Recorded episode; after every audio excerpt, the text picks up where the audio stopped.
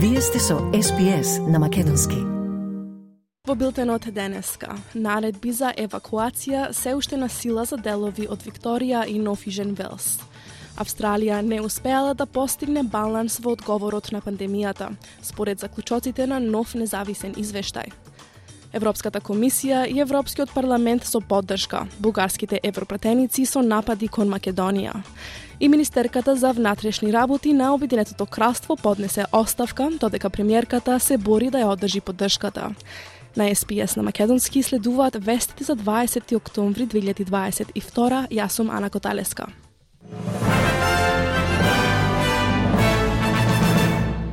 Државната служба за вонредни состојби на Нофижен Велс е загрижена дека тешките временски услови на северозападниот и централно-западниот дел би можеле дополнително да го зголемат водостојот на реките и со тоа да ја зголемат опасноста од поплави.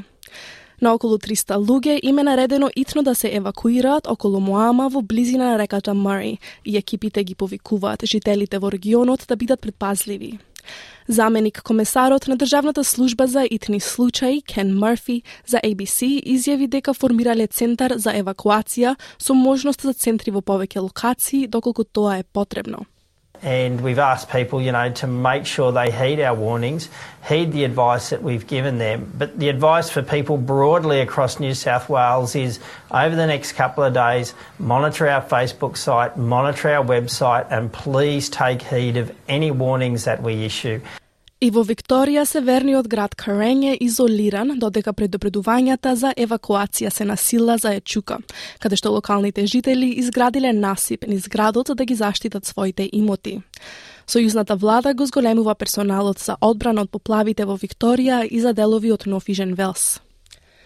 Независен преглед на одговорот на пандемијата во Австралија покажа дека владите не успеале да постигнат баланс кога одлучувале да ги затворат училиштата во екот на COVID-19.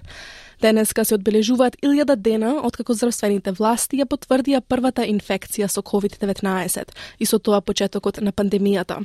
А од тогаш во Австралија се регистрирани повеќе од 15.000 смртни случаи.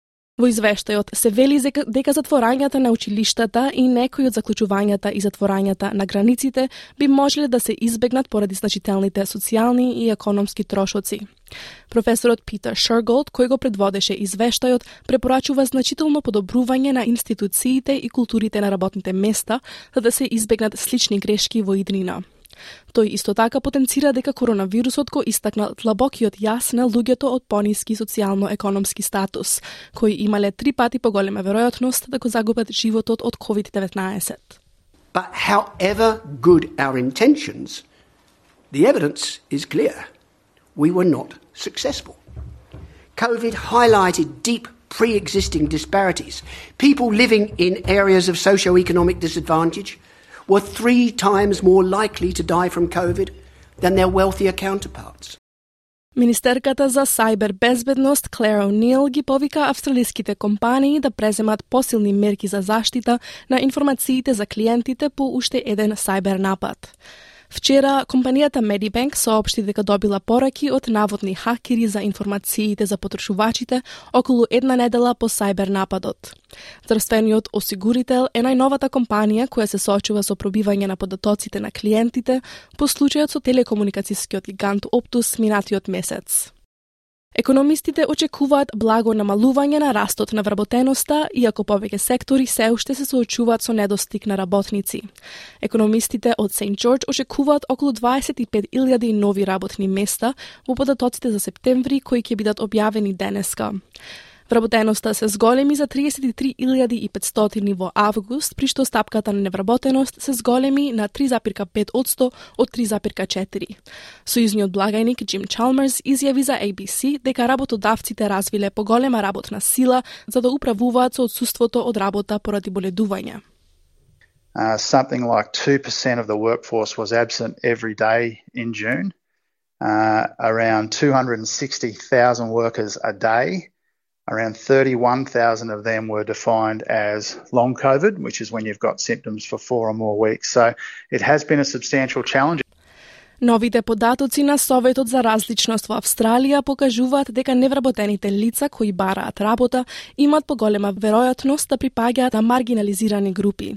Извршната директорка на групата Лиса Анис вели дека организациите би можеле активно да ја прошират различноста на работната сила кога бараат кандидати.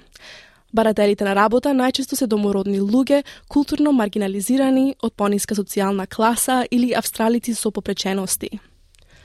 Добротворната организација Anglicare вели дека семејствата со ниски примања се соочуваат со големи предизвици поради кризата на трошоците за живот. Истражувањето на групата за австралиските служби за помош забележа зголемување на поборувачката и рекорден број луѓе кои бараат втора работа за да преживеат. Кейси Чемберс од Англикер бара од владата да ги зголеми исплатите за социјална помош и да обезбеди повеќе достапни домови. Таа вели дека добротворноста не може да биде одговор на долгорочната сиромаштија.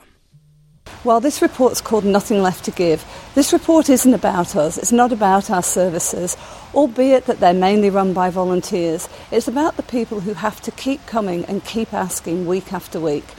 And charity really can't be a response to long-term poverty.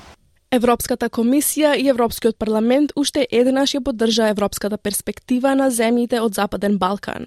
Наспротив нив, пак бугарските европратеници со остри критики кон властите во Македонија. Бугарскиот европратеник Андреј Ковачев изрази разочарување по обединувањето на власта и опозицијата во Македонија околу носењето на законот за здруженија на граѓани. Европратеникот Ангел Джамбаски зборуваше за цитат омраза со палењето на бугарскиот клуб во Битола и протестите во Охрид, тврдејќи дека законот кој што се носи во македонскиот парламент е за забрана на бугарски имиња. Комесарот за европска соседска политика и проширување Оливер Вархеј рече дека нема да ги коментира овие настани бидејќи се води истрага за нив во земјата. Лидерите на Европската Унија ќе одржат самит денеска за да дискутираат можни решенија за енергетската криза предизвикана од војната во Украина. Цените на природниот газ се зголемија во текот на летото, а Европската Унија ја обвинува Русија дека се обидува да ја користи енергијата како оружје за уцена. Председателката на Европската комисија Урсула фон дер Лајен вели дека треба да се разговара за ограничување на големо продажните цени. Russia has systematically tried to blackmail us through energy. For example, the fact that Gazprom last year did not fill the storages as it would have had to, or that long term contracts, pipeline gas, are not being honored. Новиот министер за внатрешни работи на Обединетото кралство вети дека ќе продолжи со својата работа и покрај турбулентниот период со кој се соочува владата на премиерката Лиз Трас. Суела Брейвермен вчера поднесе оставка, бидејќи испратила официјален документ од незиниот приватен мејл на колега од парламентот, со тоа прекашувајќи ги владините правила. Незината замена, Грант Шепс, вели дека Министерството за внатрешни работи е клучно за безбедноста на јавноста и вели дека е почестен што бил назначен на позицијата. People expect their government to ensure uh, there is security for them. Uh, the Home Office is at the heart of that in so many different ways. Uh, it's a great office of state. I'm obviously honoured to do that role, and I'm going to get on with that serious role right now. Премиерката Лиз Трас неодамна го отпушти шефот на Министерството за финансии Кваси Квартенг, додека нова анкета сугерира дека повеќе од половина од гласачите сметаат дека таа треба да се откаже од лидерската функција. Рускиот председател Владимир Путин прогласи воена состојба во четирите региони во Украина окупирани од Русија, за кои Москва тврди дека се неизини. Рускиот шеф на Херсон вели дека околу 50 до 60 илјади луѓе ќе бидат иселени во текот на следните неколку дена. Украина започнува контраофанзиви на исток и југ за да се обиде да ја врати територијата пред зимата. Председателот на САД, Џо Бајден, е сигурен дека Путин се соочува со предизвици 8 месеци по почетокот на инвазијата и вели дека тиранизацијата на жителите му е единствената достапна опција. I think that Vladimir Putin finds himself in an incredibly difficult position.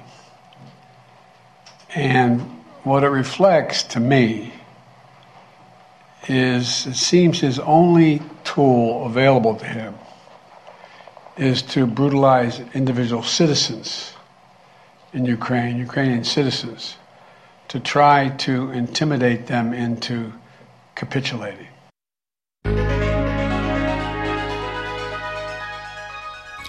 Од најновата курсна листа денеска еден австралиски долар се менува за 0,63 евра, 0,63 американски долари и 39,8 македонски денари. Додека еден американски долар се менува за 62,01 македонски денар и 1 евро за 61,06 македонски денари. И на кратко временската прогноза за главните градови за утре петок 21 октомври. Слаби повремени врнежи за Перт 22 степени. 22 се очекуваат и за Аделаид делумно облачно. Слаби повремени врнежи за Хобарт 23, слаб повремен дожд и можна бура за Канбера 21 степен. Врнежливо за Сиднеј 24, слаби повремени врнежи за Брисбен 24. Слаб повремен дожд и можна бура за Дарвин 34 и за Елес Спрингс сончево 34 степени.